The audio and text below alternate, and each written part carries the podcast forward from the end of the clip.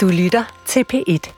Et klart budskab til kvinderne. Pas nu på. Pas nu på, hvad jeg er gang i her. I er ved at sejre jer ihjel. I er med til at kreere nogle unge mænd, som simpelthen er ved at være enormt utilpasset. En enorm vrede. En enorm øh, håbløshed. Kigger bare ind i en kvindedrevet verden, hvor de er efterladt utrolig alene. Ja, sådan her lød det fra Martin Thorborg, erhvervsmand, for nyligt i et viralt klip på øh, sociale medier, og noget tyder faktisk på, at han ikke er alene med den her holdning. Knap hver femte danske unge mand mellem 18 og 34 år mener, at ligestilling er gået for langt. Det viser tal fra den danske valgundersøgelse 2022, som er den hidtil mest omfattende undersøgelse af danske vælgeres værdier. En undersøgelse, som også viser, at unge mænd og kvinder aldrig har været længere fra hinanden rent rent værdipolitisk. Det er særligt øh, politiske emner som ligestilling, indvandring og minoritetsrettigheder, der er størst politisk uenighed om blandt unge kvinder og mænd. Herhjemme, Tobias øh, Puls, kan du forstå, at flere og flere øh, unge mænd synes, at ligestilling er gået for vidt? Altså, jeg kan godt forstå, at, at at flere unge mænd de ser en ligestillingsdebat, som på ingen måde handler om dem rigtigt. Jeg, jeg ved, der bliver talt meget om, at ligestilling handler også om, om mændene lige så meget. Vi skal nedbryde patriarkatet, det handler også om mændene. Men, men sandheden er, at ligestilling er jo gået for langt det sekund, man sagde. Nu handler det om resultatlighed. Okay. I dagens P1-debat, der spørger vi, er unge mænd i Danmark grundlæggende imod ligestilling? Eller er de bare trætte af debatten og anti-mænd holdninger og snak om toksisk maskulinitet? Er en modreaktion på MeToo og moderne feminisme problematisk eller uundgåelig?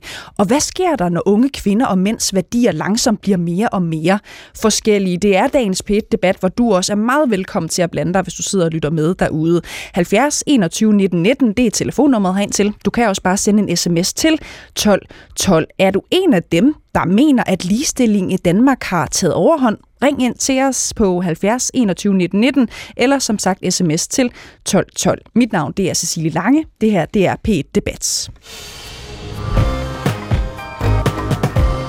Helena Glesborg Hansen, du er næstforkvinde i Dansk øh, Kvindesamfund. Velkommen til PET Debat øh, først og fremmest.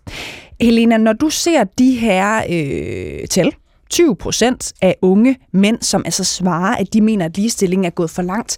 Hvad tænker du så? Jamen, så glædes jeg da først og fremmest over, at de 80 procent ikke synes det. Øh, så er det jo så varierende, hvad de synes derimellem. Men det er da helt klart noget, vi skal tage alvorligt. Fordi jeg synes, at det er problematisk, hvis man tænker, at ligestilling er gået for langt, hvis man har den forestilling. Fordi at vi synes jo ikke, vi har opnået ligestilling. Ligestilling er jo en proces, vi hele tiden skal blive bedre til. Der er jo ikke et slutresultat. Men det tyder jo noget på, at øh, de unge fyre, der føler, at det er gået for langt, at de kommer i klemme. Men hvordan kommer de i klemme? Og er det deres egen kønsopfattelse, de stereotyper, de møder, eller hvor er det, de føler, at de bliver diskrimineret? Det kunne jeg godt tænke mig at have nogle flere svar på. Mm. Er du bekymret for den her øh, udvikling? Fordi det er jo flere, det er jo en stigning i antallet af unge mænd, som, som har det sådan her, ikke?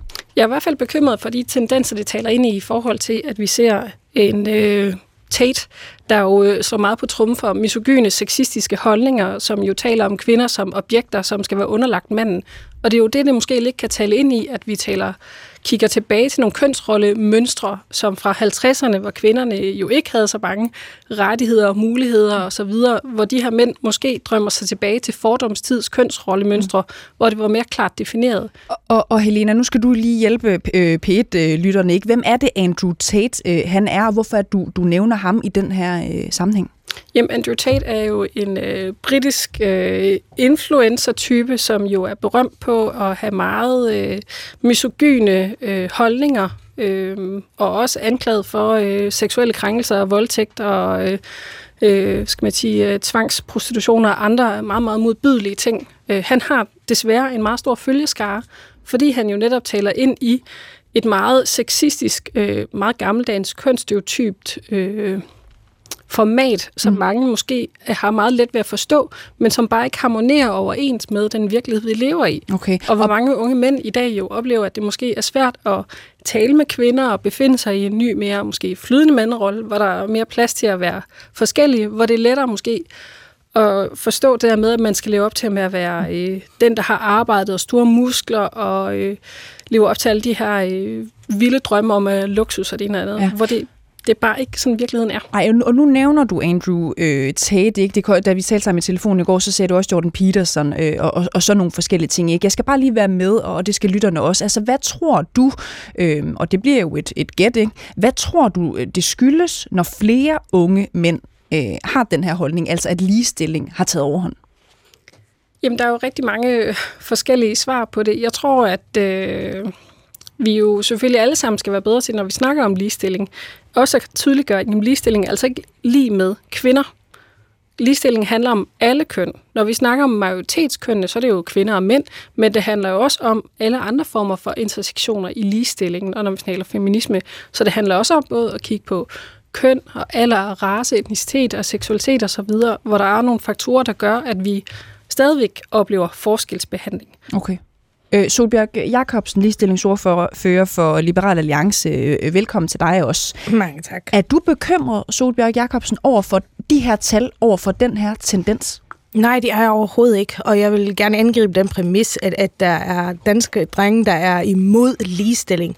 Når de siger, at ligestilling er gået for langt, så er det simpelthen ikke, fordi de ikke går ind for ligestilling, at det mener, at kvinderne skal, bag, skal tilbage til kødgryderne eller noget som helst. Det handler om, at ligestillingsdebatten er gået for langt. Den er blevet decideret skør. Og ja, jeg mener også, Andrew Tate er en klovn og meget værre end det. Men jeg ser faktisk den venstreorienterede, helt radikale venstreorienterede feminisme som mindst lige så skør. Altså, det, det laver tiltag, der kræver vidderligt dispensation fra ligebehandlingsloven, fordi man vil have kvinder trykket frem et sted, hvor der er flere mænd end kvinder.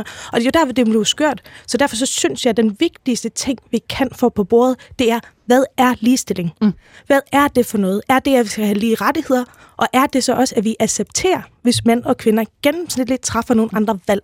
Lad mig lige holde fast her, øh, Solbjørg øh, Jacobsen, fordi du siger, du, du, synes, du køber ikke præmissen, du synes, at det er en øh, forfejlet konklusion, sådan set, at, at sige, at hvis vi, hvis vi nu sagde, at vi gjorde det, at det var 20 procent af unge danske mænd, som er imod ligestilling. Men, men de svarer jo i undersøgelsen, at de mener, at ligestillingen er øh, gået for langt. Ikke? Så er det ikke fair nok at sige, at man er imod i hvert fald den ligestilling, som er opnået, hvis man synes, at den ligestilling, der er opnået, er jo, gået for langt? Jeg tror, at øh, altså, sådan, sådan som jeg ser ligestilling, og sådan som jeg også forestiller mig, at det her mænd ser det, fordi jeg vil selv have svaret det samme, det er, at øh, jeg går utrolig højt op i ligestillingspolitik. Og vi kommer ikke fra et ligestillet samfund. Derfor er der stadig tråde fra fortiden, vi skal have ret ud. Og det gør det er mere vi stadig. for lige at Nej, finde ud af, ja, men det er bare lige for at finde ud af, hvordan kan det være, at du siger, at det her det handler om debatten? Vi vil også nødt til at tage de her unge mænds svar for gode varer, at de rent faktisk mener, at ligestilling er ja, gået for langt. det er der, hvor jeg gerne vil hen nu, fordi at så er det, at man nemlig har fået, som Tobias sagde fra start her, man har fået fokus på resultatlighed. Og det har gjort, at man har indført nogle initiativer. Du har indført, du snakker om kvoter, du snakker om måltal i bestyrelser, hvem skal til barsel derhjemme, og det skal være synd for det ene eller det andet køn, alt efter hvem der er over- eller underrepræsenteret, alt efter om de er landet eller ej. Og det er man træt af. Og der er man træt af, at man vil have mænd og kvinder til at statistisk fremgå ens på alle parametre. Og det er derfor, man siger, vi mener, at det er gået for langt, det er blevet skørt. Vi skal altså have et frit og lige samfund, hvor vi har lige rettigheder, men hvor vi også har accept for, at mænd og kvinder i gennemsnit nogle gange vil bonge ud forskelligt i statistikkerne. Det er okay, og det er jo det, som jeg tager statistikken til udtryk for. Jeg, jeg vil aldrig nogensinde beskylde øh, 20 procent af alle mændene for at være Andrew Tate-tilhænger. Det tror jeg simpelthen ikke, det er. Hvem er det, du oplever, og, og din formand Alex Vandopslag har jo sådan set skrevet noget lignende på Twitter. Hvem er det, du oplever, der beskylder 20 procent af unge mænd for at være Andrew Tate-tilhængere, eller for øh, at sige, øh, unge mænd går ikke op i ligestilling, unge mænd er imod ligestilling? Jamen, hvis Hvem er det, du beskylder for at, at komme med det postulat? Men jeg behøver ikke at pege nogen navn ud. Jeg synes heller ikke, vi skal og synes, lave du behøver til... lidt at pege på nogen, Solbjørg Jacobsen, når du siger, og det siger din formand Alex Vandopslag øh, også, blandt andet, at det er øh, øh, journalister, debattører, øh, feminister, akademikere, som siger, at 20 procent af, af, af unge mænd er imod ligestilling. Hvor har du hørt det? Men det er, når hele, når hele præmissen bliver gjort til, at hvis man svarer her, at man mener, at politikken i dag er for, gået for langt. Hvis man konkluderer ud fra det, at så er vedkommende imod ja, ligestilling. Og hvem konkluderer det? Men det gør de jo både inde på, på artiklen der, og vi hører det lige ved siden af mig her, at så er man imod ligestilling. Det er man ikke. Man er imod den ekstreme politik, der føres. Og det ekstreme fokus, der er på resultatlighed. Og vi er bare mange, der har fået nok af det. Og jeg bliver faktisk glad, og jeg synes faktisk, at jeg selv skal tage en lidt forsonende kasket på, ja. fordi jeg har kaldt det venstrefløjsagtigt så mange gange, Jeg tænker, okay, men jeg skal måske holde mig til substansen. Hvad er det, jeg ikke kan lide? Jeg kan ikke lide, når det kommer med mål til. Jeg kan ikke lide, når det laver kønnede problemstillinger til ligestillingsproblemstillinger. Men der er faktisk mange på venstrefløjen, der er enige med mig. Ja. Så jeg burde faktisk være mere ordentlig og ikke sige, at det er venstrefløjen, men det er dem, der går ind for det der. Mm. Og der tænker jeg, at vi bliver nødt til at snakke om, hvad er ligestilling? Hvad er det, vi ønsker? Mm. Kan vi anerkende, når vi har ligestilling, kan vi anerkende, at der er ligestillingsproblemer? Kan vi anerkende, at der er kønnede problemstillinger, som ikke er ligestillingsproblemer? Kan vi det som ja. samfund? Det tror jeg er et vigtigt skridt, vi skal tage, hvis vi skal kunne komme af med den her polariserende debat. Hvad tror du er årsagen til, at flere øh, unge mænd øh, i forhold til tidligere svarer, at de synes, at ligestilling er gået for langt? Hvad, peger, hvad peger du på? Hvad ser du? Men det er jo, at, at vi hele tiden har det her fokus på øh, kvinder som ofre, og det har vi haft i rigtig, rigtig lang tid. Og det er, vi er offer for partnervold, og det er rigtigt. Der er vi overrepræsenteret. Partnerdrab også overrepræsenteret. Og vi er, er i undertal i øh, topposter i de mest prestigefyldte steder. Og så har vi ondt af kvinder på den præmis, at, at så må det skyldes magtmisbrug eller diskrimination eller et eller andet. Vi, vi anerkender ikke, at måske er der kønsmæssig forskel, der gør, at der er statistiske uligheder flere forskellige steder. Og det bliver vi nødt til at snakke om. Kan vi acceptere det som samfund? Kan vi acceptere, at der er flere mænd end kvinder i topposter? Er det en accept, vi overhovedet kan tage? Det synes jeg er vigtigt at få på plads. Okay, Helena Glisborg, du får lige lov til at svare på nogle af de ting her. Altså, jeg er jo rigtig glad for at høre, at du selv tager ansvar for noget af den retorik, du har i den her debat. Men samtidig hører jeg også, der falder ned lige i det hul igen, når du i tale sætter alle kvinder som ofre. Og når du også netop går ind på det område, hvor kvinder rent faktisk er ofre og overlevere. Der er så meget empowerment i at bruge retorikken rigtigt, når vi taler om kvindedrab, for hvem? taler øh, For hvem? for kvinder generelt, og for os øh, kvinder, der overlever af partnervold og seksuel chikane og voldtægt. Det er ikke stakkels ofre, men der skal simpelthen gøres noget mere for at hjælpe de her personer, fordi at mænd har gjort noget mod dem. Så det er ikke ofre, vi skal tale ned til, Men men, det er empowerment, du- vi skal tale op i forhold til de overlever. Ja, for, for at, at, at empower, altså forstærke, øh, give kvinder en stemme. Men i dag, der taler vi jo om, hvorfor flere øh, unge mænd er imod ligestillingen. Så de ting, du taler om her, tror du, det vil bidrage til at øh, få flere mænds opbakning? Jamen, vi kan jo se nogle af de svar, Eller det modsatte i virkeligheden, for det er også det, Solbjerg peger på, ikke? Det vi kan se nogle af de svar, arbejderbevægelsen eller øh, Arbejdermuseet er kommet med, er jo, at der er nogle mænd, der synes, det er gået for vidt, og kvinder de er små og svage, øh, og derfor ikke lige så dygtige, og taler meget ind i det fysisk-biologiske, der gør, hvorfor kvinder ikke får topposter eller lige så god løn osv., som jo selvfølgelig ikke har nogen hold i virkeligheden. Jeg synes, det er super vigtigt, at vi også holder tungen lige i munden i forhold til den retorik, vi bruger, når vi også taler leasing. netop breder det ud og siger, at det er ikke kun kvindeproblemer, også netop taler på unge mænds præmisser mærker og ser, hvorfor nogle ligestillingsudfordringer er det, de har. Mænd er overrepræsenteret i selvmord. Mænd har ikke fællesskaber, vi kan gå hen og tale om deres følelsesliv. Vi ser ikke samme MeToo-bølge i forhold til mændene. Der er lidt pip her og der, mm. men det bliver virkelig hurtigt lukket ned med nedladende kommentarer, fordi at så er man jo ikke en rigtig mand, hvis udsat for seksuel overgreb. Og det er jo frygteligt, at præmissen er sådan, for det er jo ikke virkeligt. Okay. Mænd bliver også udsat for seksuelle overgreb og har det også svært i livet, og de skal jo hjælpes. De er jo ikke kun ofre, men de er jo også overlevere. Mm, Taler Dansk Kvindesamfund for lidt om de ting? Altså, Dansk Kvindesamfund er jo Danmarks ældste ligestillingsorganisation for primært kvinder og kvinders rettigheder. Så vi har jo selvfølgelig vores fokusområder, men ja. vi taler jo også om ligestilling generelt, og har også været med til at skubbe på, at der er andre organisationer som Dansk Mandesamfund, og der er der andre initiativer, der netop sætter fokus på mænds ligestillingsudfordringer. Ja. Det har jeg jo ikke eget ledererfaring med som kvinde, men jeg bakker fuldt op om, fordi det hænger sammen. Det er jo en symbiose med hinanden. Det er mere, øh, Helena Glesborg, hvis, hvis øh, og nu ved jeg godt, og det I hedder Dansk Kvindesamfund, I har fokus på øh, kvindeproblemstillinger og ligestilling for kvinder, ikke? Men hvis man kan sige, at der er en tendens, hvor øh, øh, det ikke at nævne mænds udfordringer, sådan set modarbejder jeres egen sag, kunne man så ikke øh, bringe det op noget mere? Vi bringer det rigtig ofte op. Især når vi snakker for eksempel den kønnede vold, så taler vi jo netop også om udøverbehandling. Vi løser jo ikke voldsproblematikken i hjemmene, hvis vi ikke også kigger på den, der udøver volden. Mm. Det er jo så vigtigt at kigge på, at det netop hænger sammen i en symbiose, at du ikke kan se det isoleret set. Ja. Lad os lige prøve at få en, en kommentar fra dig, øh, Tobias Pulsen. Ja. Jeg skal også lige have en titel på dig i virkeligheden, for det tror jeg, jeg glemte øhm, Øhm, til en start. Du er jo øh, debattør konsulent, fint. du er debattør, og du, du, du interesserer, sig, øh, interesserer dig, kan man sige, for identitetspolitiske øh, debatter, ja. Ligestilling og så videre. Ikke? Nu har du stået og lyttet lidt. Hvad tænker du? Ja, jeg, jeg, jeg, synes, jeg synes, at det, som Solbjørg sådan set starter med at sige, at vi er nødt til at have en samtale om, hvad ligestilling er, det bliver bekræftet så utrolig godt, når det første, du siger, Helena, er, at ligestilling er jo en vedvarende proces. Man er aldrig i mål med det. Er man aldrig i mål, eller kan du ikke sætte et mål? Fordi hvis du ikke kan sætte et mål, hvad i alverden arbejder I så imod? Hvis du ikke kan give en retning, hvad arbejder du så imod? Jamen, vi kan godt sætte måltal og en masse lovgivning, vi synes, Okay, der skal cool. ske inden for politikerne. Men nej, nej, vi nej, mener jo nej, nej, også, nej, det er en proces. Den, kom med den. Jeg, kom, for guds skyld, jeg vil så gerne hjælpe der. Kom med den. Hvad er vi ude i? Hvornår? Hvad skal løngabet være, før vi stopper med at snakke om det? Hvad skal andelen være i bestyrelser? Altså kom med et tal. Det, det vil være mega fedt. Jamen, øh, der er jo rigtig mange forskellige tal. Man ved jo, hvis man kigger på i forhold til bestyrelse, beslutningsdygtighed og diversitet, så skal det være minimum hver 30 procent.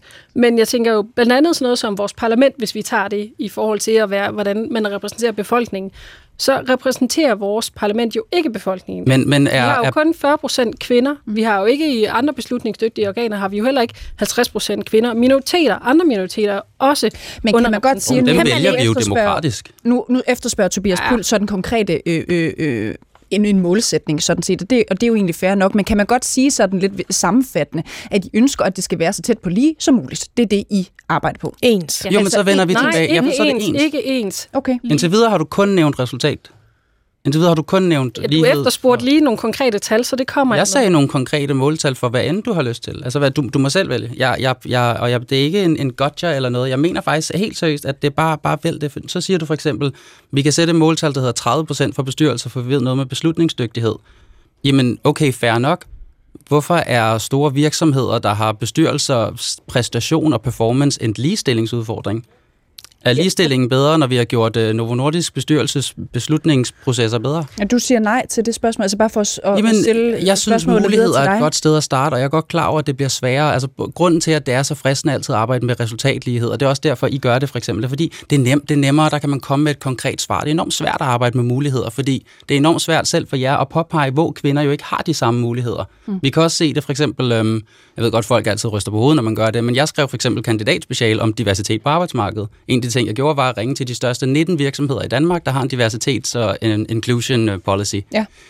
Jeg fandt nogle virksomheder, der kæmper for at få kvinderne ind. Der kæmper for at rekruttere dem. Deres problem er ret, at de ikke kan fastholde dem, fordi kvinder når et vist punkt i deres liv, hvor de siger, prøv at høre, måske er lykken ikke at finde med en 80 timers arbejdsuge. Okay, lad os prøve at byde nogle flere gæster velkommen til øh, debatten her. Rosa Lund, et, øh, ligestillingsordfører for, øh, for Enhedslisten.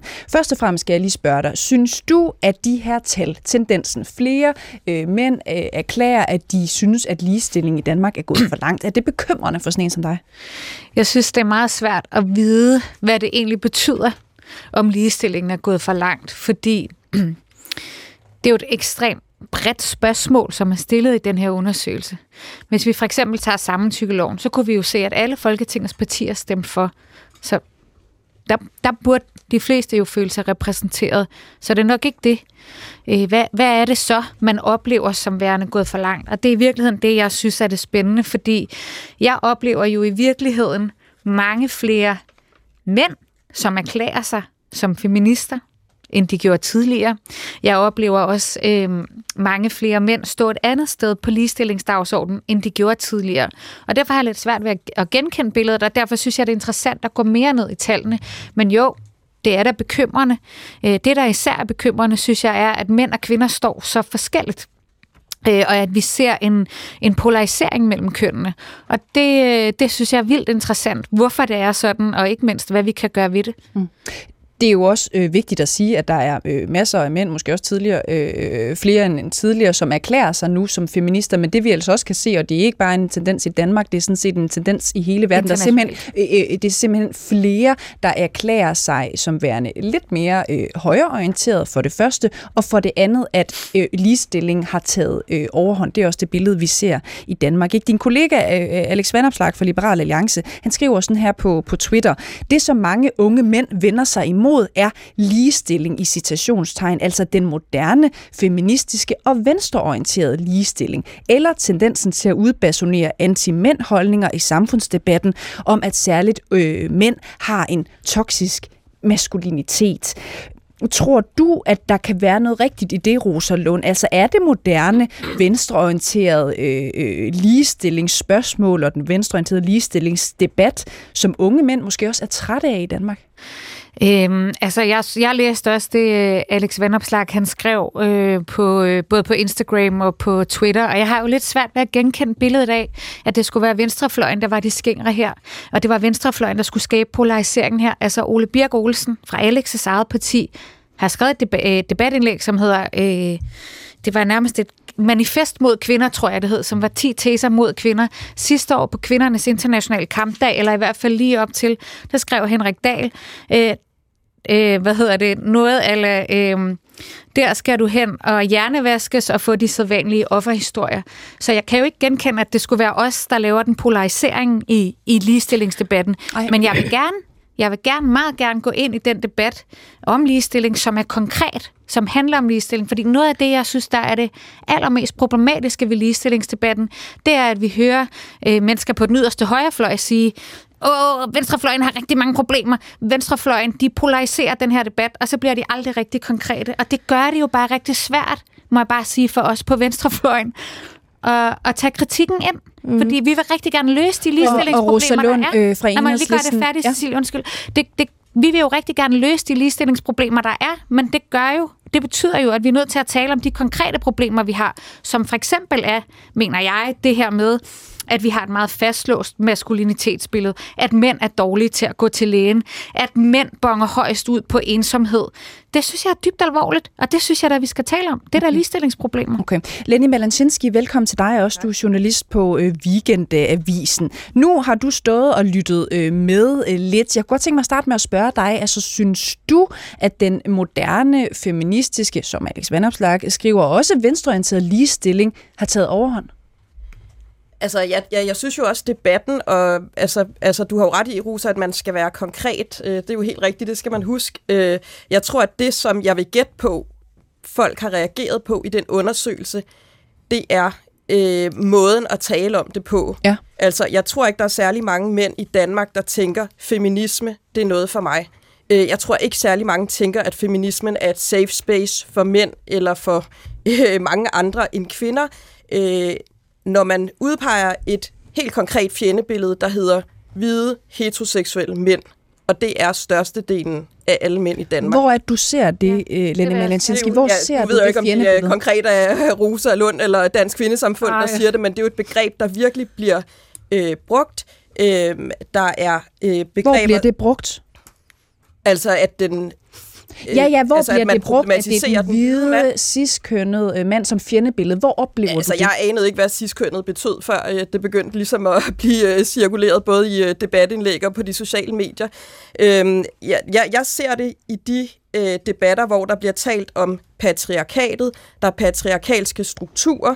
Øh, man opfinder ord på engelsk, som i virkeligheden bare er kønnede skældsord, som kvinder aldrig vil acceptere om sig selv. Øh, mansplaining, mm. manspreading osv. Altså, der er simpelthen øh, nærmest ingen ende på alle de dårligdomme, der kan tillægges mænd som køn. Jeg tror, mange mænd har en opfattelse af, uha, ligestillingsdebatten, den skal jeg ikke ind i, for jeg kan komme til at sige noget forkert. Okay. Lad os lige prøve at byde velkommen til den næste øh, øh, gæst, som er med os på en forbindelse her. Det er dig, Christian Gros. Velkommen til. Jo, tak. Du er kønsforsker, og nu har du lige øh, hængt på linjen her og, øh, og, og lyttet lidt med. Christian Gros, når du ser den her undersøgelse, øh, hvordan tolker du det så? Jamen, øh, jeg, jeg synes, det, det ligger meget godt i tråd med nogle af de øh, interview, jeg, jeg, jeg lavede til min seneste bog, hvor, hvor der altså var en, en gruppe af, af unge mænd, som var, var, var skeptiske over for, for, for ligestilling og feminisme. Jeg vil så sige, når jeg så gik længere ind i snakken med dem, så handlede det faktisk mere om, at de følte sig ekskluderet. Altså de ikke følte sig øh, som en del af, af hele ligestillingsdebatten. De er sådan lidt fremmedgjort. Ikke? Og det der, det, der så har, har været min pointe, det er, at, at vi også skal, skal prøve at tale om maskulinitet som noget positivt. Altså prøve at at også give de unge mænd en idé om, hvordan de kan være en del af ligestillingskampen, for så vidt også for dem selv. Øh, fordi det, der, det, vi så ikke hører med de her tal, det er, hvad er det så for nogle unge mænd? Hvad er deres sociale baggrunde? Hvorfra i landet kommer de? Og så videre. Og, og det, jeg jo lagde mærke til, det var jo, altså i, i storbyerne, der er der meget stor øh, opbakning til, til ligestilling, og også mange mænd opfatter sig som feminister. Men kommer ud i provinsen, og også taler med mænd med nogle, nogle lidt andre sociale baggrunde, øh, og laver videregående uddannelser, jamen så er der en, en større skepsis. Men det handler altså ikke om, at de her mænd er imod ligestilling. Det er ikke min erfaring. Det er, at de simpelthen ikke føler sig inkluderet, og de føler ikke, at man taler positivt om det her at være mand. Mm. Og det tror jeg, at man bliver nødt til at gøre meget mere for. Okay. Øhm, måske et dumt spørgsmål, ikke? Men, men har mænd sådan en eller anden særlig brug for øh, selv at kunne øh, spejle sig, eller at det handler om dem, eller de også lige bliver i talesat, øh, for at de bedre kan sætte sig ind i problemstillinger øh, øh, baseret på andre køn? Ja, de, de har brug for at opleve, at ligestillingskampen også handler om dem, øh, og om at give dem muligheder. De har brug for forbilleder. Altså, hvad, hvordan kan man være en god eller ordentlig mand i dag? Hvad, hvad, hvad, er, det for, hvad er det for nogle egenskaber, som, som, som, som de har, som samfundet har brug for? Det vil de jo gerne høre, og når de så hører det, og kan mærke, at man kan tale positivt også om deres bidrag, så synes de pludselig, at ligestillingskampen er meget mere interessant. Så der skal ligesom laves en platform for, at mænd også kan, kan ligesom byde ind med, hvad er, det, hvad er deres rolle, og at de ikke kun bliver demoniseret, som nogle af de her øh, unge mænd føler. Mm. Christian Grus, nu har vi hørt det et par gange i den øh, debat, vi har haft øh, hid til her i studiet. Ikke? Altså det der med, der måske for nogen øh, øh, oplever i hvert fald, at der kan være en stand til, at der udbasoneres nogle anti-mænd-holdninger, altså nogle øh, snakke om toksisk maskulinitet og, og, og hvide ciskønnede mænd som et, et fjendebillede. Altså er det mm. rigtigt nok? Har vi nogle øh, fløje, organisationer, øh, indsæt selv flere øh, øh, ting her, som kommer til at lægge sig for hårdt på den, som i virkeligheden modarbejder egen sag? Ja, altså de, i hvert fald i den, i, i den grad, at man ikke taler så meget om mænd øh, eller maskulinitet som noget, der har, der har et positivt bidrag. Man kan jo sagtens kritisere øh, alle mulige ting om, omkring øh, uligestilling og, og, og de problemer, der er. Men derfor skal man bare huske, at der også skal være en eller anden form for øh, snak eller, eller debat om, om, om mænds positive bidrag og plads. Øh, også blandt de her mænd, som føler sig marginaliseret og ekskluderet. Og det er altså måske en særlig gruppe af unge mænd. Det er altså ikke alle unge mænd, vi snakker om. Men vi skal også tale til dem, der er bekymrede og forstå, hvorfor de er bekymrede. Mm. Og det kræver så også dyberegående undersøgelser og også forskning i, hvad er det egentlig, der bekymrer de her mænd, og hvordan kan vi få dem med ind i folden igen. Ja, og undskyld, hvis det her det er et dumt spørgsmål, Christian Gros. Nu stiller jeg det bare alligevel ikke. Altså, hvorfor, hvorfor skal vi det? Altså, hvorfor skal vi fortælle en positiv historie, øh, øh historie om, om mænd, for at mænd for eksempel øh, øh, gider at, at gå op i problemstillinger, som handler om kvinder? Jamen det er jo fordi, at, at man identificerer sig med det, man hører, og hvis, hvis man føler, at man ikke er en del af den snak, så gider man ikke være med. Ja. Øh, så det, det er jo meget øh, grundmenneskeligt, at, at, at det handler om, at man bruger et, et sprog, som inkluderer dem, man også vil have fat i. Ellers så kommer der nogle backlashes, mm. øh, som vi også måske ser, ser i udtryk i, i, i, i annuitet osv. Så, videre. så det gælder altså også om at ændre hele den måde, vi taler om ligestilling, og sørge for at få mænd med ind, øh, og alle de forskellige typer være mand på, som der også skal være plads til. Mm. Øh, øh helt kort her til sidst, øh, Christian Gros. Er det rigtigt, at det særligt er venstrefløjen, der kommer med de her... Øh, hvad skal man sige, udbasoneringer, som Alex Vandopslag, øh, formand for Liberal Alliance, jo kalder det? Jo, altså, men altså, hvis, hvis vi kigger på de undersøgelser, der har været øh, så langt tilbage i historien, jeg kan huske, øh, jamen, så har mænd været en anelse mere øh, højorienteret end kvinder, så det, det er sådan set ikke noget nyt. Så kan man diskutere, om det også har noget at gøre med en modstand mod ligestillingsdagsordenen. Det, er jo, det, det, det, det kræver jo en helt anden øh, øh, grundig øh, forskningsmæssig undersøgelse for at slå det fast. Øh, det, men jeg tror, jeg kan sige, det der, det er jo heller ikke usædvanligt. Da jeg gik i gymnasiet, så kan jeg da også huske, at langt de fleste mænd var mere højorienteret, og kvinderne mere venstreorienteret. Så det tror jeg altså er en gammel øh, gammel øh, kan man sige, forskel, som, som ikke nødvendigvis har at gøre med det her. Godt. Lad os lige prøve at tage nogle øh, øh, sms'er. Vi har nemlig nogle øh, fantastiske lyttere, som har været så rare at skrive øh, ind til os. Vi har Erik her, der skriver fra Islands Brygge. Han skriver, unge mænd hader ikke kvinder, men de er trætte. Trætte af feminister, der vil bestemme over alt fra bestyrelse til antal orgasmer. Stop nu. Venlig hilsen. Erik fra Islands øh, Brygge. Så er der en anden lytter her. Det er Kim, som skriver, i Danmark har vi heldigvis været skånet for unge mænd, der ser kvinden som skylden for deres ulykker. Men med Liberal Alliances ageren er de godt i gang med at skabe incels. Og bare til dem, der ikke ved, øh, hvad det er, så hjælper Kim os øh, endnu en gang i sin sms her. Han skriver, involuntary celibate, altså at man er ufrivilligt i celibat, det vil sige ikke for sex. Han skriver videre, oplysning er vejen frem og ikke splittelse og demonisering af kvinder. Allerede nu ser vi, hvordan kvinder bliver udskældt for at vælge at blive solomødre. Det var bare et eksempel her fra Kim, der så skrev til os fra øh, Amager lidt øh, interessant, ser jeg bare lige, at de to lytter, jeg læste op her, altså skriver til os fra Københavns øh, område. Solbjørg Jacobsen, vil du ikke lige prøve at svare på den jo. Sidste sms her, altså Kim fra Amager, der synes, at det måske, ærlig, måske særligt er Liberal Alliances ageren, øh, som, som er problematisk i den her kontekst. Jeg synes hele tiden, vi kommer tilbage til standpunktet, hvad er ligestilling? Fordi det bliver nævnt her, lige efter jeg havde snakket før, at øh, jamen, hvordan kan du sige det her? Fordi der er jo kvinder, der bliver udsat, det bliver ofre, men det er også overlever. Og når jeg siger, at det ikke er ligestilling, så vil det ikke sige, at jeg ikke har forståelse. Jeg har gået, jeg er selv både offer for seksuel krænkelse og vold, men jeg knytter det ikke til mit køn. Jeg ser det ikke som, som en kamp på hele mit køn. Jeg ser det som noget, der skete for Prøv lige mig. uddybe det, Solbjørg. Jeg, Men det er jo det synes, der, jeg er hvor, spændende. det, det er Ja. der, hvor jeg virkelig synes, vi mangler ind til kernen. Når vi snakker samtykkelovgivning, jamen vi var der Undskyld, alle jeg med bliver til bare lige, at jeg lave synes, det er vildt spændende, det her Solbjørg Jacobsen. Du siger, at du ser det ikke som en, en, en ligestillingsproblematik Nej, eller og det er kønsproblematik, jo derfor, jeg når, bliver ved med at sige, når du og, er og rigtig mange andre kvinder oplever for eksempel seksuelle krænkelser. Ja. Det, er jo, det er jo, kan man godt kalde det et kønnet problem, det vil jeg jo have tilbøjelighed Det til er at et sige. kønnet problem, Ja, ja. fordi det sker mere for det ene køn end det andet. Og så er det ikke en ligestillingsproblematik. Eller Nej, og det er jo Nej. nemlig det, som jeg prøver at sige igen og igen og igen. Jeg vil, og det er derfor, vi ofte kan samarbejde om, hvad det er for nogle resultater, vi leverer. Men jeg kalder det ikke et ligestillingsproblem. Jeg anerkender fuldstændig, at flere kvinder udsættes for det end mænd. Men jeg synes ikke, det er synd, fordi det sker for kvinder. Jeg synes, det er synd, fordi det sker for mennesker. Okay. Og det er der, hvor man kommer ned til individniveau. Jeg synes ikke, det er Hvad så okay, for eksempel et andet øh, eksempel, Solbjørg Jacobsen fra Liberal Alliance, som vi også har talt meget om de senere år, øh, øh, drab mod, mod kvinder for Ja. eksempel. Øh, det er heller ikke en ligestillingsproblematik. Nej, det er det ikke. Fordi så vil man sige, at det er et problem, der ikke var et problem, hvis der var lige så mange mænd, der blev dræbt. Det er jo ikke sådan, vi ser på det. Altså, det er jo ikke sådan, vi ser på det. Vi vil da forebygge kvindedrab, ligesom vi vil forebygge mandedrab. Der sker flere øh, partnerdrab på kvinder, der sker faktisk flere drab på mænd, men, men jeg deler det ikke op i en ligestillingsproblematik, men vi skal selvfølgelig sætte ind for det. Og det er derfor, jeg efterspørger igen og igen, hvad er ligestillingsproblemer, og hvad er kønnede problemer? Ja. Det er så vigtigt at skælne. Ja. Og så synes jeg, hvis jeg lige kan knytte en kommentar, det er vildt, at der kan stå en her fra Dansk Kvindesamfund og sige, at vores danske parlament ikke repræsenterer befolkningen. Altså stemmer danskerne forkert? Hvordan kan man komme afsted med at sige, at er det kun, må jeg kun repræsentere kvinder som politiker? Må jeg ikke repræsentere de mænd, der har stemt på mig? Mm. Altså hvad er det for en måde at dele 6 millioner mennesker op i to grupper? Godt, lad os lige tage det en af, af, gangen de gode indspark her. Helena Glesborg, du får lov til at svare først på det, der handler om, hvad der er kønnede problematikker, og hvad der er ligestillingsproblematikker.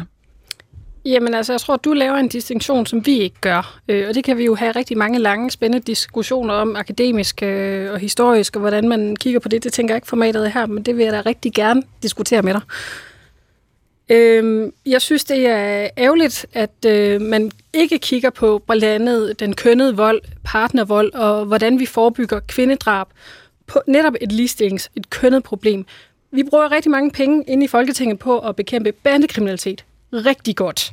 Fordi der bliver nemlig dræbt rigtig mange mænd, og andre mænd øh, i forbindelse med kriminalitet og rockerkriminalitet osv. Mm. Men når kvinder bliver dræbt, er det ofte af en partner eller en ekspartner.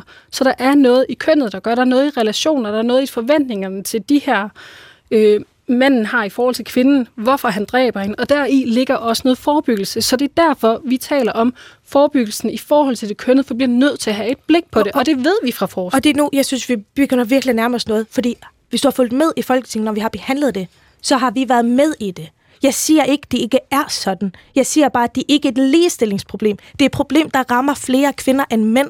Og hvis vi ikke kan lave den her definition, så kommer vi aldrig til at kigge på sådan nogle undersøgelser seriøst, fordi vi svarer i øst og vest. Okay. Og så prøve- kan vi ikke få et Lad os retvisende prøve billede. lige at, at, at, tage en runde på det her, for det, det synes jeg sådan set er spændende. Du siger, at det er, en, det er et ligestillingsproblem, Helene Glesborg øh, fra, fra Dansk øh, Kvindesamfund. Hvad siger resten af panelet, øh, Lene Melansinski? Er det her et ligestillingsproblem? Lad os bare tage, tage fat i, i det, der handler om øh, øh, ja, partnerdrab, øh, for kvindedrab. Øh. Ja, altså det, det har jeg ikke noget problem med at sige, det er. Øh, jeg forstår godt, at det er en udmærket pointe, at hvis der så var lige mange, altså hvis der så var en lige fordeling af drabsoffer, øh, øh, øh, var det så ikke et, et ligestillingsproblem mere.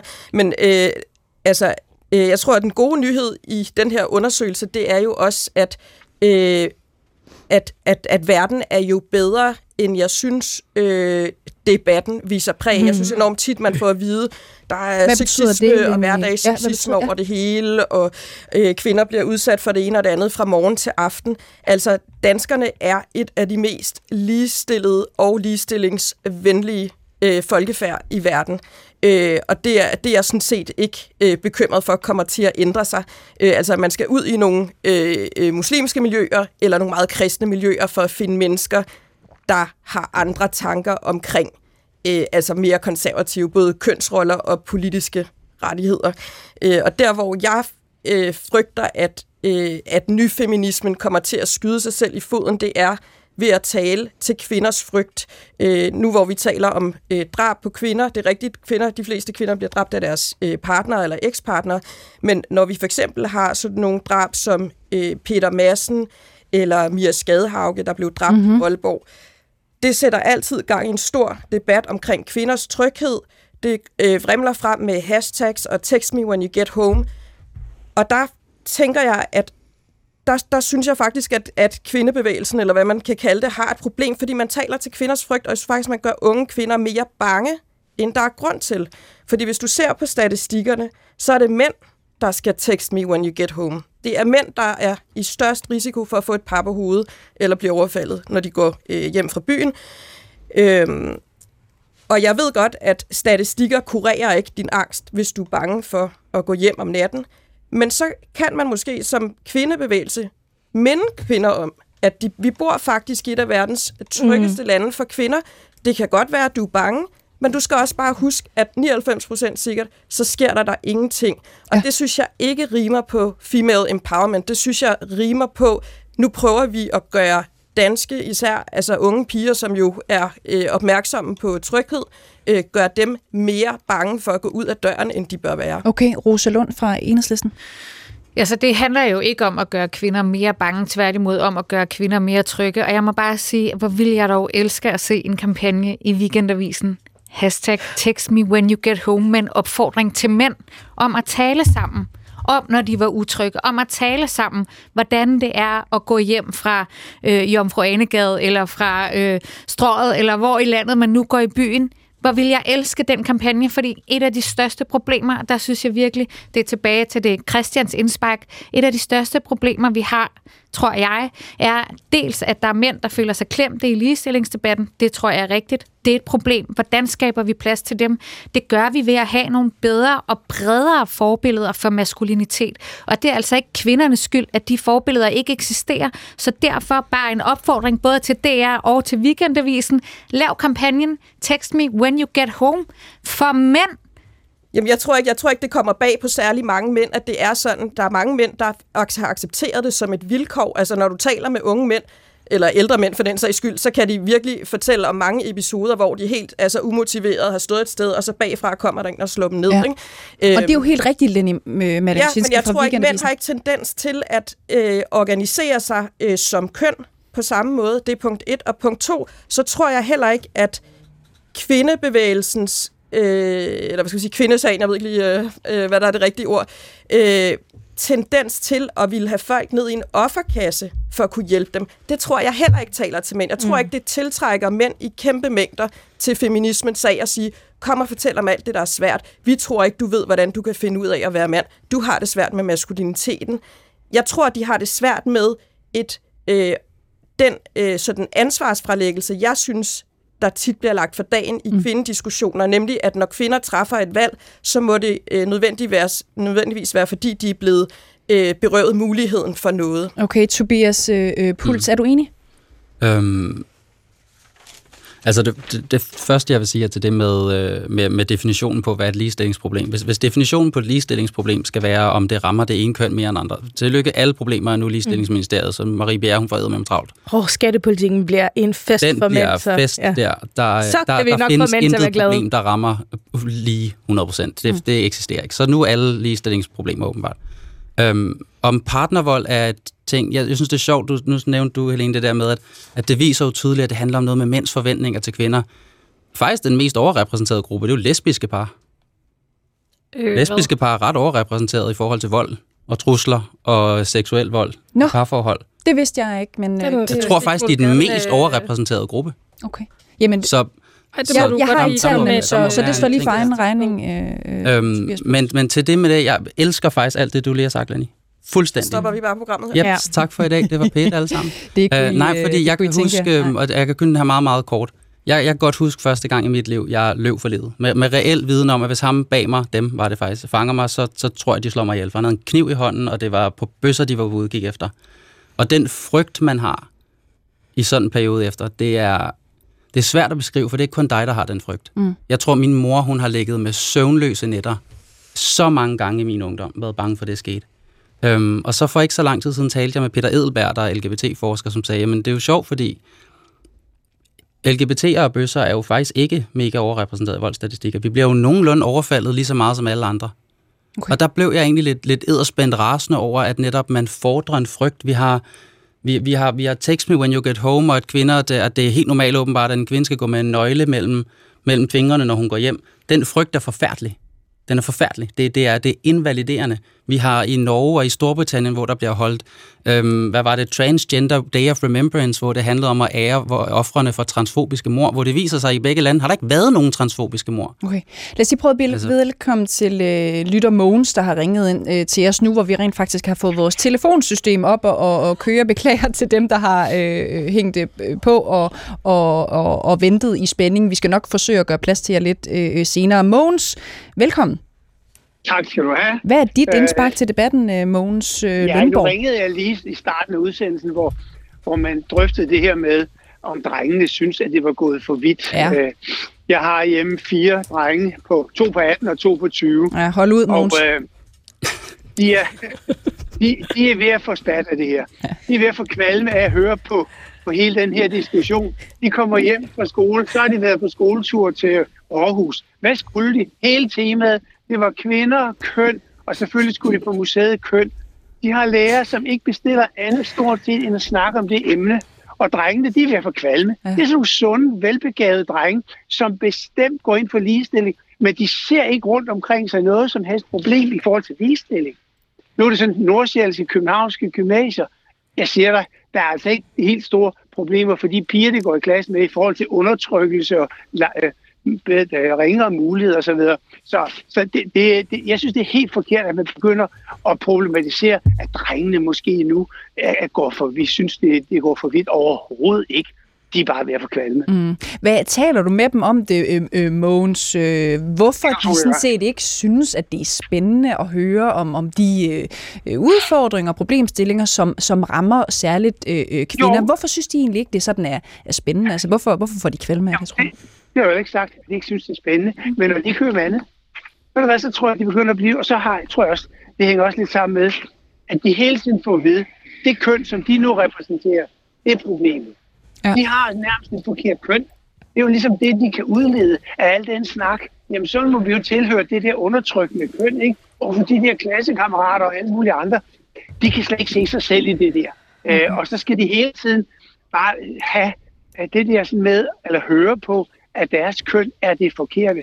Hvordan støtter man de drenge i deres identitetsudvikling, Okay. når man hele tiden bare sidder og skal høre på det der?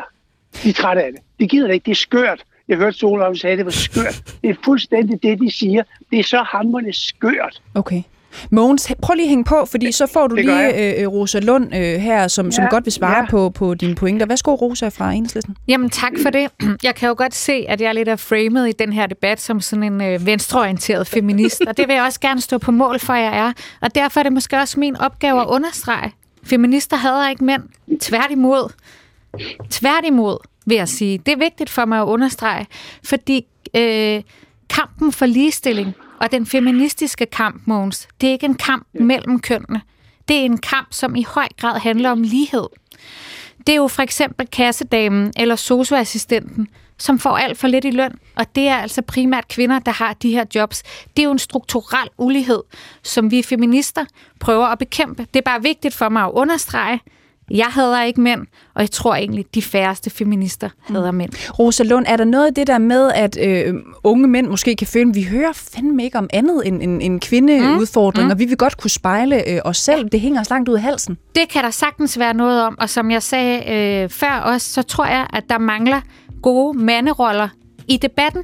Der mangler gode mm. manderoller i ligestillingsdebatten, og derfor så tænkte jeg jo meget over øh, det her, som øh, øh hvad hedder det, både Alex Vandomslag og Martin Torborg skrev. Altså, det er jo ikke kvindernes skyld. Vær nu de roller, I selv efterspørger apropos øh, roller og offerroller, ja, så øh, vender vi tilbage med mere øh, P1-debat på den anden side af en radiovis, som vi lige skal gøre plads til her, hvor klokken den er øh, 13 nyt for ind- og udland. Panelet er stærkt tilbage på den anden side, så I skal endelig blive hængende. Det gælder også for jer lyttere, som har ringet ind til os. Vi skal nok øh, nå til jer 70 21 19 19 er telefonnummeret herind til. Knap hver femte danske mand mellem øh, 18 og 34 år mener, at ligestillingen er gået for langt her i Danmark. Det viser tal fra den danske valgundersøgelse 2022, som er den øh, hidtil mest omfattende undersøgelse af danske vælgeres værdier. I dagens PET-debat, der spørger vi, er unge mænd i Danmark grundlæggende imod ligestilling, eller er de bare trætte af debatten, anti-mænd-holdninger og snak om toksisk maskulinitet? Og så spørger vi, hvor langt er vi egentlig fra ligestilling i Danmark? Det er simpelthen dagens p debat hvor du er meget velkommen til at øh, blande dig 70 21 19 19. Det er telefonnummeret herind til. Du skal også være velkommen til bare at sende en sms. Hvis du er mere øh, til det, så skal du bare lige huske at skrive P1, lave et mellemrum og så sende din øh, besked afsted. Er du en af dem, som går og mener, at ligestilling ligestilling i Danmark har taget overhånd? Eller synes du, at der er masser at tage øh, fat på? Telefonerne herind til er øh, åbne. En, der har ringet ind på 70 21 19 19, det er dig, Sten øh, Geisler. Velkommen til. Tak for det. Hvad er dit indspark til den her debat? Synes du, ligestilling har taget overhånd, eller hvor står du hen? Jeg står øh, på den måde, at, øh, at i visse henseender så har det taget overhånd. Jeg har arbejdet i et øh, amerikansk firma, IT-firma i mange, mange år, hovedsageligt mænd, og øh, der indførte man en bonusordning for de øverste chefer, sådan at hvis de fremmede antallet af kvindelige chefer, så fik de simpelthen et løntillæg. Og det førte til nogle fuldkommen vanvittige udnævnelser og øh, ren og skær diskriminering af de naturligvis øh, mange flere mænd, som øh, lå klar til den øh, rolle.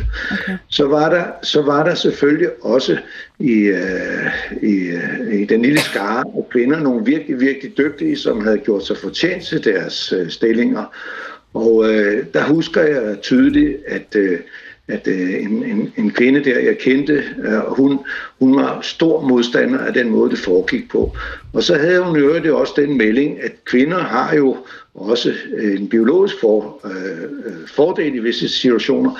Og så navngav hun, og det kan jeg jo ikke gøre her selvfølgelig, et antal smukke yngre kvinder, som havde bollet sig til forfremmelser mm. dengang, hvor mændene der bestemte øh, det hele. Okay. Tror du, det er et kæmpe stort problem, Sten, eller, eller er det også sådan lidt en, øh, en gammel trav, man, man hiver op øh, som mand i gang? Nej, nej, det, det, det vi jo meget diskuterer her, og, og i den debat, vi har haft her også i dag, ikke, det er, at om, øh, om, om der findes en eller anden, nogle forskellige mekanismer, hvor øh, kvinder og mænd er biologisk øh, forskellige. Ja. Der, og der vil jeg opfordre alle til at søge på øh, det, der hedder The Gender Paradox, som er en meget øh, omhyggelig analyse, som viser, at øh, mens at kvinder i Asien, Korea og, og steder, hvor de har dårlig ligestilling, de søger efter lange uddannelser og udarbejde som læger, ingeniører og typiske mandejob, hvor man tjener mange penge. Hvorimod de øh, lande, øh, herunder øh, primært Skandinavien, som, som har en meget stor ligestilling, der øh, giver kvinderne efter, eller der søger de jeg vil sige, de traditionelle kvindeopgaver, øh, fordi de ikke er afhængige af, ligesom de er i de mindre ligestillede lande, at, at, øh, at tjene penge. Så der er en biologisk okay. forskel på, hvad mænd og kvinder søger. Det er sådan, øh, og det er sådan, du læser det i hvert fald. Jeg har ikke lige tallene her foran mig, så, så den står for egen øh, regning. Men tak, fordi du ringede ind til os, og, og blive endelig øh, øh hængende. Og hvis du har noget at byde ind med, du sidder og lytter med derude, 70 21 19 19 er telefonnummeret, øh, har ind til Solbjørg Jakobsen. Du er mm. fortsat med os. Du er ligestillingsordfører for Liberal Alliance. Du blev interviewet af Berlingske for lidt over en øh, uge siden, hvor du svarede et rungende ja mm. til, at vi har sådan set øh, ligestilling øh, i Danmark. Prøv lige at uddybe, fordi jeg ved bare lige om lidt, når jeg øh, spørger øh, Helena Glesborg, øh, eller spørger Henriette Laversen, så siger de nej. Så prøv lige at sige, hvor ja. kommer du fra? Jeg mener, at vi har ligestilling i Danmark. Jeg anerkender, at vi har ligestillingsproblemer i Danmark. Nogen stadig, på grund af, at vi ikke kommer fra en ligestillet fortid. Nogen nu, fordi der er indført diskrimination.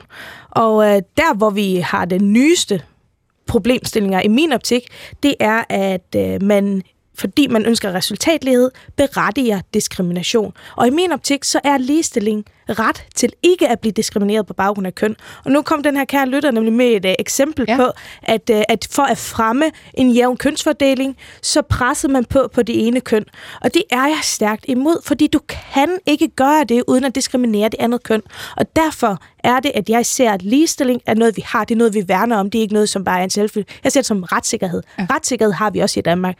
Vil det sige, at vi ikke har retssikkerhedsproblemer? Jo, det har vi. Spørg Vurderingsstyrelsen. Mm. Men, men, men, men det er bare vigtigt, at vi, at vi ser, hvad mener vi med ligestilling? Og der ja. mener jeg, der har vi en ret til, vi diskriminerer ikke på baggrund af køn. Og vi må heller ikke bestræbe os på resultatlighed på bekostning af at ikke diskriminere køn. Det synes jeg er meget vigtigt. Mm. Og derfor ser jeg stadig, at der er ligestillingsproblemstillinger, mm. men vi har ligestilling. Ja. Bare for at komme med et eksempel, som, som man bruger forholdsvis ofte, Solbjørg Jacobsen fra Liberal Alliance. Øhm, øh, løn når, når mænd tjener i gennemsnit øh, 12,3 procent mere i kv- end øh, kvinder i Danmark, og når langt flere mænd end kvinder er ledere og sidder i øh, virksomhedsbestyrelser osv., osv., så er det ikke et udtryk for manglende øh, ligestilling, hvis man spørger dig. Nej, det har vi ikke noget data på, at det er. Vi har enormt meget data på, at det skyldes... Øh der er nogle forskelle i, hvilke uddannelser vi tager. Det er faktisk så til kvinders fordel efterhånden. Der er også forskel på, hvor meget vi vælger at arbejde. Der er forskel på, hvor mange gange vi skifter job. Det viser også, at det, det får man generelt en højere løn af, hvis man er villig til at skifte job tit. Så der er alle mulige grunde til, at vi ikke har en gennemsnitlig ens løn for mænd og kvinder. Der er en lille del, der ikke er forklaret endnu. Den synes jeg er spændende. Mm. Det synes jeg ikke, at man bare skal sige, uh, den eksisterer ikke. Lad os kigge ned i den. Men den er uforklaret. Den er ikke forklaret i manglende ligestilling. Det er den ikke, og det er forkert at påstå det, fordi det er den ikke. Ja. Og, og, når, og uanset hvad man kalder det, og man kalder det en ligestillingsproblematik, og man siger, at det er et øh, resultat af manglende ligestilling, eller hvad man gør, så betyder det jo i hvert fald, at øh, kvinder i Danmark får mindre øh, i løn end mænd. Du kan også sige, at det betyder også i gennemsnit, at kvinder i Danmark får mere fritid end mænd. Altså det er jo, hvad er ambitionerne? Hvad er det, man vil som menneske? Og er man fri der? Ja. Og hvis man skal være det som samfund, hvis man skal være fri, så skal man også selv definere, hvad er gode ambitioner. Ja. Og synes og du der, en god der ambition? synes jeg ikke, at vi skal måle det op efter køn. Det synes jeg er forkert. Ja. Og synes du, det er en god ambition, hvis det også i fremtiden, langt ud i fremtiden, er sådan, at kvinder, kvinder får mere fritid end øh, mænd, og øh, mænd får mere øh, i løn end kvinder? Kun hvis det er sådan, de selv ønsker det. Okay. det er, jeg har intet problem med, hvis kvinder kommer til at arbejde mere end mænd, og kommer til at tjene langt mere end mænd, jamen, så er det også, fordi de har fortjent det, fordi de arbejder mere. I det, det er det fint med. I det her interview, du giver til Berlingske Solbjørg Jacobsen, der kalder du det for elitefeminisme, ja. Når ligestilling kommer til at handle om bestyrelsesposter, ja. lederstillinger osv. Hvorfor er det elitefeminisme? Jamen, fordi jeg synes, det er så spøjs at kalde det ligestillingspolitik for kvinder. Det her, det handler om topposter, de fleste i samfundet aldrig kommer i nærheden af. Langt de fleste mennesker kommer aldrig til at give at lægge de timer, der skal til for at overhovedet at være der. Langt de fleste har ikke den interesse. Langt de fleste prioriterer andre ting. Så det her, det handler, selv hvis du tager mænd og kvinder med, så handler det om en lille del af samfundet. Og så har man fundet ud af, at der er en skæv fordeling af kønnene her, så nu kæmper vi for, at nogle kvinder skal op på det her meget privilegerede pladser, hvor jeg tænker, okay, hvis du går ind for resultatlighed, jamen så tag det på, hvor mange kvinder er der i skraldebranchen. Okay, hvorfor kigger vi ikke på det? Okay, men hvorfor kigger vi ikke på, at 100% øh, af arbejdsulykkerne, der har døde til følge, det sker for mænd? Altså, hvorfor tager du elitepladserne i samfundet og siger, her er det et kæmpe stort problem? Og der ved jeg godt, at argumentet altid er, fordi der træffes vigtige beslutninger, ja. og det skal også træffes af kvinder. Ja. Og der kommer vi igen frem til, er det, altså, kan jeg for eksempel som folketingsmedlem kun repræsentere kvinder? Repræsenterer jeg ikke også mænd, der stemmer på mig? Er det ikke op til en bestyrelse selv, en virksomhed selv at vælge, hvem vil de have? Og skal de ikke kunne vælge ud fra bedste kvalificeret, eller hvem de ønsker, dem de synes passer bedst? Mm. Må de ikke vælge det? Og der synes jeg, det er meget, meget vigtigt, at vi tillader plads til, at der måske er en skæv kønsfordeling. Ja. Helena Glesborg Hansen, næstforkvinde i Dansk øh, Kvindesamfund. Du har reageret på det her interview i Berlingske. Du kalder det uambitiøst og privilegieblindt at mene, at vi har ligestilling øh, her til land. Så hvorfor er det det? Jamen, jeg synes, det er, når man netop går ind og taler om, at ligestillingsdebatten kun handler om elitefeministiske ting, så synes ja, jeg ikke, man kigger meget snævert på det. Øh, altså netop hvad med alle de listingsudfordringer, man oplever hvis man er udsat for negativ social kontrol, at der er nogle andre kønnede forventninger til en, hvad man må og ikke må. Det synes jeg er vildt vigtigt at tale om. Vi har også andre udfordringer i forhold til, hvordan hele den her trivselsudfordring, mange unge kvinder oplever med, at de har psykiske udfordringer, som gør det svært for dem, fordi der er nogle kønsforventninger til dem, de heller ikke kan leve op til, fordi man ser et glansbillede på Instagram og så videre og så videre. Jeg synes, det er enormt vigtigt at kigge på ligestilling i et meget bredt perspektiv, og ikke kun tale om, ja, vi har en ligestillingsudfordring i toppen af samfundet, men vi har det også i hele spektret. Og det savner jeg netop, at man ikke taler så polariseret omkring det, og ikke kun siger, jamen, feminister sætter kun fokus på elitefeminisme. Jamen, det det synes jeg, det, en stor del. Det nej, jeg føler, det fylder rigtig, rigtig meget for dig. Det fylder ikke meget for os. Vi har to kvindekrisecentre. Noget, der fylder rigtig meget for os, det er den kønnede vold, det er voldtægt, det er digital chikane, som vi ser på fremmars, hvor vi ser rigtig mange unge mænd faktisk er ofre for øh, hvad sådan hedder, kærestesvindel og det her andet, fordi de jo måske øh, hungrer efter kærlighed og fællesskaber, og man kan tale om følelser, det føler mange unge mænd måske bedre, de kan med kvinder end med andre unge mænd. Det er jo også nogle udfordringer, vi skal tage fat på. Så jeg savner mindre polarisering, og jeg savner også politikere og medier, der ikke taler den her polarisering op og siger, jamen, vi taler kun om fjendebilleder og frygt og det ene og andet. Jeg synes ikke, det er kun at tale om frygt, når vi taler om meget virkelig oplevelse, mange unge kvinder har med at sige, okay, vi er utrygge, når vi går hjem fra byen, fordi vi har oplevelse af at blive for fuld, og fordi vi har 14.000 kvinder, der er udsat for voldtægt hver år. Det er et kæmpe problem. Helena Glisborg Hansen, øh, hvis vi også bare lige fokuserer og kommer tilbage til noget af det, som Solbjerg jo har peget på et par gange nu. Øh, er der for stort fokus på øh, statistik og et mål om 50-50 balance, altså frem for at begge køn har lige muligheder, og så kan de så ud fra deres virkeligheder vælge, hvad er det rigtige for mig? Hvis vi kigger på blandt andet barsen, som er et rigtig godt eksempel, vi har jo været med til at skubbe på for, at der bliver en mere øremærket barsel ja. til fædre og medforældre, fordi vi kunne se, at før den her øh, barselslov øh, trådte i kraft, som vi fik fra EU, så var det, at 90 procent af barslen var noget kvinder valgte, og så resten fik mænd. Vi kan se nu, nogle af de nyeste taler, vi har kommet, vi mangler jo stadig mere data på ja. at konkludere endnu mere på det, er jo, at der ser mænd i håndværkerbranchen, der tager mere barsel, fordi det er deres rettighed. Vi kan forhåbentlig også se nogle positive effekter på det på kvinders løn. Mm. Vi kan se nogle positive effekter på det, at øh, når der er samlivsophør, at børnene bliver mere fordelt ligeligt blandt forældrene. Fordi det er jo ikke kun kvinder, der er de rigtige forældre, eller bedst til at være en forælder, fordi de er møder. Mænd og fædre og medforældre er lige så gode forældre. Så derfor håber vi jo op på, at den her øremærkede barsel både kan rykke på ligelønnen, den kan rykke på hele hvordan work-life balance fungerer, men også kan være til mænds fordel i forhold til, at de har en rettighed her konkret nu. Ja, så Solbjerg, kan der ikke være eksempler, barsle, øh, øremærket barsel er måske et godt et af dem. Øh, kan der ikke være eksempler på, at man er nødt til ligesom at gøre noget præventivt, fordi man ønsker at ændre på den måde, vi plejer at gøre på, også til fordel for mænd? Jo, jo, hvis man ønsker at have en højere resultatlighed, så forstår jeg godt. Så vil ja. jeg også gå, så vil jeg gøre hele barslen øremærket. Det vil jeg. Jeg synes, øremærket barsel er også et godt eksempel, fordi der har jeg også en, en sådan lidt sårbar indrømmelse selv. Jeg gik jo ikke ind for 100% fri barsel, før at den her barselsordning kom. Og det er jo egentlig, fordi det var jo egentlig ikke så stort problem, fordi at 90% gik jo til kvinden. Men før i tiden, så var det jo kun øremærket til kvinden, hvor man så gik til øremærket ens til mænd og kvinder nu. Og der synes jeg, vi begik en fejl fra borgerlig side. Vi skulle have haft som fuldstændig hjertesag, at 100% af barsen skal være fri.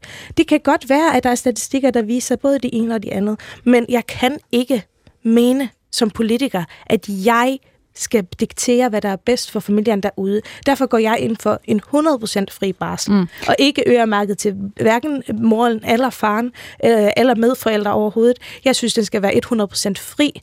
Men hvis det er, at man vil have folk til at have det samme uddannelsestrin, hvis man vil have dem til at have tjent lige så meget igennem livet, hvis man vil have dem til at være lige så meget sammen med børnene, jamen så forstår jeg da godt, du bliver nødt til at regulere folk, fordi ellers så kommer folk til at træffe nogle forskellige valg, okay. og så kommer vi ikke til at få statistikker. Men det har jeg så ikke noget imod.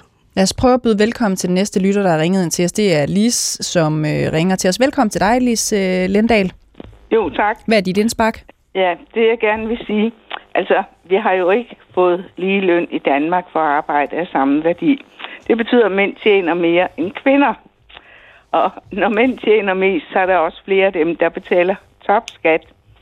Og det er altså mit indtryk, at de, der betaler topskat, de stemmer til højre, fordi de partier hele tiden taler om at sænke topskatten og skatterne generelt. Og det er jo ikke så godt. Nej, så når vi står og har en snak om, er jeg også lidt interesseret i, øh, Lis, øh, den her undersøgelse, som viser, at flere unge øh, mænd stiller sig kritiske over for, eller i hvert fald siger, at de synes, at ligestilling er gået for, for langt. Synes du så, at det er bekymrende? Ja, det, det synes jeg, fordi altså vores, så længe vi ikke har lige løn, så har vi heller ikke ligestilling. Okay. Altså det helt lette svar på ligestilling eller ikke ligestilling, det er, har vi lige løn for arbejde af samme værdi. Okay. Og så længe vi ikke har det, så er svaret, at kvinder bliver snydt. Tusind tak, Lis, for at ringe ind til os på 70 21 19 19. Henriette Laversen, velkommen til dig. Tak skal du have. Du er øh, direktør i øh, Kvinfo. Nu får vi dit øh, perspektiv, og jeg tror allerede, jeg ved, hvad du vil svare. Øh, men vi har fået to forskellige bud på det, og det i sig selv er også lidt interessant, ikke? Har vi grundlæggende ligestilling i Danmark? Ja, og jeg tillader mig faktisk at starte et lidt andet sted. Okay. Med at anerkende meget store fremskridt, vi har gjort de senere år. Øh, vi har fået en samtykkebaseret voldtægtslovgivning, vi har fået strammere regulering i forhold til sexisme, vi har fået bedre regler i forhold til at styrke mænds rettigheder i forhold til deres børn. Og jeg må bare sige, at vi har en efterhånden, der er også steder endnu, hvor vi kunne stramme lovgivningen og gøre det bedre, men vi har efterhånden en ret god sådan formel ligestilling, altså det er helt grundlæggende på plads. Men vi har jo også for eksempel forbud mod tyveri, hvis jeg bare lige skulle sige det, men der er jo stadigvæk nogen, der stjæler. Altså, så lovgivningen er for mig at se jo ikke nok. Vi skal mm. stadigvæk arbejde med det her, og når der er nogen Altså, når den her debat opstår, så tror jeg faktisk også, det er, fordi vi som samfund skylder noget. Altså, vi har, nu har vi, nu har vi øh, snakket MeToo, og jeg synes, det er nogle helt øh, afgørende og helt uafvendelige, altså også samtykkebaseret voldtægtslovgivning og, og også øh, styrkelse af menneskerettigheder til deres børn. Øh, men jeg tror også, at vi, vi stadigvæk mangler at få skabt den kultur, altså en samtykkebaseret kultur, en barselskultur. Og, og jeg tror, at nogle gange kunne det være gavnligt at sætte sig ned og diskutere, fordi nu i, det forrige program har vi snakket om, hvad er så ligestilling, og hvad er kønnet problematik, så jeg tror egentlig, vi, altså, vi siger måske nogle forskellige ord, men der er jo ikke nogen af os, der synes, at fordi der er mange mænd, der er hjemløse, så skal der være lige så mange kvinder, der er det. det Nej, er præcis, det er jo helt, det er jo, og derfor er det, hvor kan ja, vi komme men, ned men til det vi kan gøre, det er, de der statistikker er jo alligevel meget gode nogle gange, fordi man kan, man kan jo tage dem op, og så kigge på, er der forskel på køn? Så, kan man, så er det jo ikke fordi, når, der, når jeg ser det, så løber jeg jo ikke skrigende rundt i gaderne. Men så for, tillader jeg mig selv at undre mig.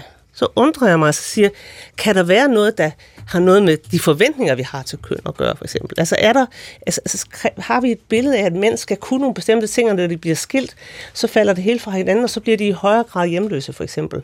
Og hvordan kan vi så hjælpe og afhjælpe det problem?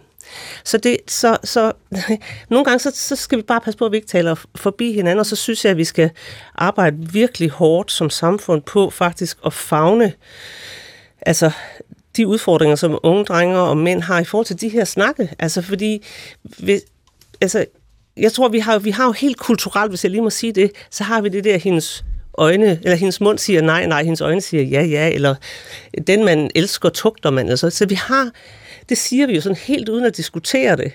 Og det betyder måske helt, helt grundlæggende, har vi sådan en kultur, der hedder, øh, hvis hun ikke siger nej, så må jeg godt. Ja. Og det vil sige, at der er unge mænd, der sidder på politistationer nu om dagen, og så fortæller de, at jamen, hun sagde, hun, jeg måtte jo godt, fordi jeg fik, hun gik jo med mig hjem.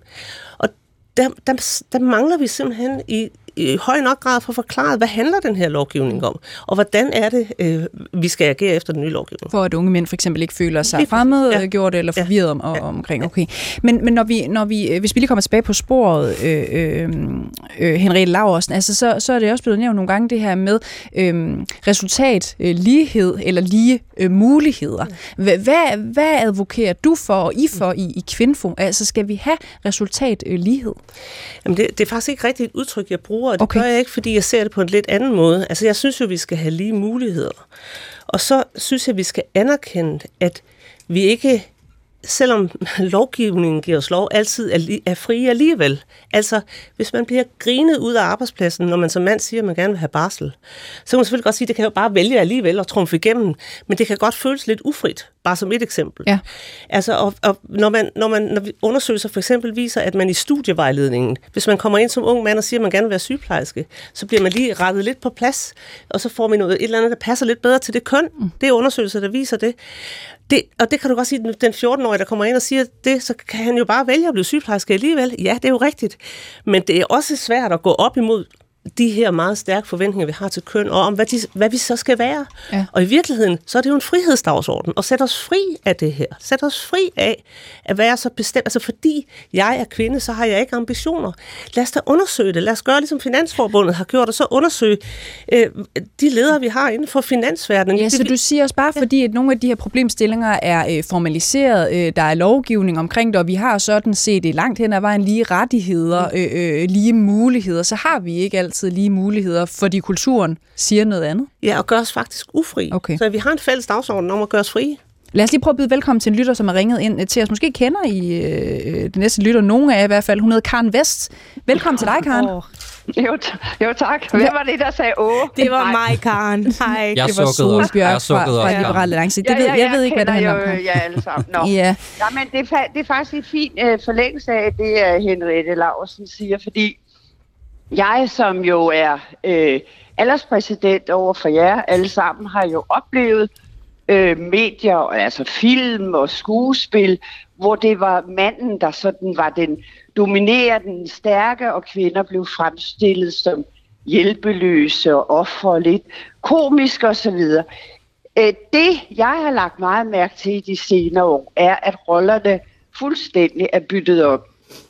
For eksempel kan vi tage den mest aktuelle, badehotellet. Der er sådan set ikke en eneste manderolle, der sådan er viser sig med sådan en naturlig sund maskulinitet. Enten er de tåbelige, øh, småidiotiske, de bedste, øh, komiske, eller så er det en karikeret udgave ja. af maskulinitet. Og øh, nu har jeg, jeg elsker svenske film øh, også, så dem har jeg set rigtig mange af. Og her, der er der faktisk adskillige film, hvor man ser seksuelle overgreb begået af kvinder. Mm. Altså virkelig barsk MeToo. Og filmen altså, kører stadigvæk. De er, nogle af dem er 5, 6, 7 år gamle. Øh, og der er ikke et, et eneste pip. Altså, der var, der var faktisk en voldtægt af, øh, øh, af en mand ude i et køkken. Og jeg, jeg sad, jeg måtte se scenen flere gange og sige, det her, hvad, hvad er det, der er sket? Det er simpelthen vendt øh, øh, 180 grader om. Og øh, hvis unge mænd skal have sig nogle, nogle gode rollemodeller, øh, så ser jeg, at nogen er så karikeret, så vi går over i Andrew Tate, ja. sådan noget fuldstændig macho, ødelæggende maskulinitet i mine øjne. Eller også så sidder de og kigger på nordiske film, hvor mænd er fremstillet dybt idiotiske, komiske, til bedste, småt, småt begavet, og alle de stærke roller er, øh, er besat med Okay. kvinder. Karen Vest, bare lige for at få dit eget bud på det. Ikke? Altså, hvordan skulle sådan en god øh, maskulin manderolle øh, se ud, som øh, danske unge mænd for eksempel øh, vil have godt af at spejle sig i? Hvordan øh, tror du, sådan her ser ud? Jamen, jamen, jeg tror, at der er masser. Altså, jeg har jo selv øh, tre sønner, og nu øh, forløbig otte børnebørn. Øh, så, så jeg har da masser af, af synes jeg selv, øh, ligestillet, øh, og det har alle taget barsel, husk lige det, øh, øh, sund maskulinitet, som, som øh, kan varetage øh, barsel og pasning af børn og hentning af børn og madlavning og rengøring, men, men hvor de stadigvæk er, er mænd. Altså, der er ingen tvivl om, de er mænd. Men altså, hvis vi ikke, hvis vi ikke giver de unge mænd noget at spejle sig i, mm. og sige, det her, det er, det er faktisk, øh, du må godt stadigvæk være en mand. Du må godt kalde dig maskulin, fordi du har lyst til det. Der er også nogen, der ikke har lyst til det. Det må de sgu selv om. Karen Vest, tusind tak for at ringe ind øh, til os her på øh, P1 Debat. Det var en øh, fornøjelse. Lenny Maliantinski, nu har du stået med hånden øh, i vejret noget tid, så nu skal du have lov til lige at komme øh, med en bemærkning. Ja, jeg bed bare mærke i, at øh, Henriette, Henriette Laversen gav os aldrig et ja eller et nej på, om vi har ligestilling i Danmark. Øh, så det vil jeg i hvert fald gerne svare på. Jeg synes, vi har ligestilling, øh, og jeg tror, vi får endnu mere ligestilling den dag, vi også har en ligestillet værnepligt. Øh, mm-hmm. Det er faktisk en rent juridisk nedfældet mm. kønsdiskrimination, som ikke har optaget øh, øh, den feministiske bevægelse. Vi har endnu mere ligestilling den dag, mænd har samme ret til at komme på krisecenter som kvinder. Øh, noget, som man endnu ikke har den samme ret til i lovgivningen. Øh, og så er jeg jo et helt enig i, at mænd i samværssager øh, øh, har problemer i forhold til at opnå samvær med deres børn, som jeg fornemmer, at mm. kvinder har øh, i samme omfang. Øh, og så tror jeg simpelthen også, at man Øh, ja, det var, min, det var mine pointer. Vi er, vi er et meget, meget ligestillet ja. samfund i Danmark. Når Karen Vest ringer ind til os og siger, at hun øh, sådan set mener, at øh, danske unge mænd måske mangler nogle øh, sunde, maskuline rollemodeller at spejle sig i. Synes du, det er en, øh, synes du, det er en god pointe? Altså enten så har de sådan noget øh, Andrew Tate på den ene fløj, eller også så skal, de, så skal det være sådan nogle svenske, svenske mænd, så, som, hun, som hun siger, der, der, jeg der tror er simpelthen, fokuset på rollemodeller er en lille smule overvurderet, for at okay. være helt ærlig. Altså især i den feministiske øh, bevægelse, der taler man om rollemodeller og boss ladies, og åh, hvor er det svært at være den første inden for et bestemt felt. Øhm, men jeg tror altså ikke, at mænd er sådan nogle øh, øh, handlingslammede typer, der bare ikke kan øh, træde i karakter, før de ser en, der har gjort det mm. før. Øh, og det samme tror jeg jo heller ikke om kvinder. Mm. Øhm. Hvad synes du, Henriette øh, Larsen? I forhold til rollemodeller? Ja, lige præcis. Ja, altså jeg, jeg tror, at det, øh, det kan godt have en betydning, men det er ikke noget, vi... Altså, det, det, det har også en begrænset virkning med rollemodeller. Jeg, jeg, jeg, jeg kunne da egentlig godt se en protest fra mænd, og i virkeligheden igennem mange år, på at lade sig fremstille så forholdsvis latterligt, som er noget af det, Karen Vest, hun siger. Ikke? Altså, det er helt tilbage fra Polle fra Snave, hvis I kan huske den reklame. Så der er virkelig mange reklamer, der faktisk fremstiller mænd som nogle lidt uansvarlige, lidt latterlige eller lattervækkende typer. Mm. Øh, og der tror jeg da, hvis det var mig, der blev fremstillet på den måde, så, øh, så ville jeg da måske protestere lidt, mm. og det kunne da også være en, en del af vores opgave. Og, men, men, har, men har vi ligestilling ja. i Danmark? Det kunne jeg godt tænke mig at høre, om, hvad, om, hvad kvinder ja, mener ja. om. Altså, jeg, jeg, som jeg sagde, så har vi indført en rigtig meget god regulering, men der mangler et helt kulturelt mm. arbejde for, at alle er med og forstår, hvordan øh, det ligesom skal spilles ud. Så har Men har vi ligestilling i Danmark? Så, nej, vi har ikke ligestilling i Danmark. Det var det, det, var det korte øh, svar. Solbjørg Jacobsen, du får lov til lige at svare her. Ja, men jeg synes simpelthen, at... Øh og du har 40 Efter, sekunder, Jeg har 40 Solbjørg. sekunder. Men ved du hvad, så vil jeg gerne sige, hvis man sidder derude og tænker, at jeg er ved at have godt og nok af ligestillingsdebat, så er det fordi, vi snakker for meget om, hvornår er det svært at være mand, hvornår er det svært at være kvinde. Måske vi skal snakke om, det er fedt at være mand, og det er fedt at være kvinde. Og der er mange mænd, der er awesome, og der er mange kvinder, der er awesome, og vi er her alle sammen, og det kan vi sagtens finde ud af, selvom det ofte ikke lyder sådan i ligestillingsdebatten. Det blev de sidste ord for den her udgave af P1 Debat. Husk, du kan finde alle afsnit i DR Lyd. Appen Mathias Pedersen og Tobias øh, var med til at lave øh, dagens program. Jeg hedder Cecilie Lange. Tusind tak, fordi I lyttede med.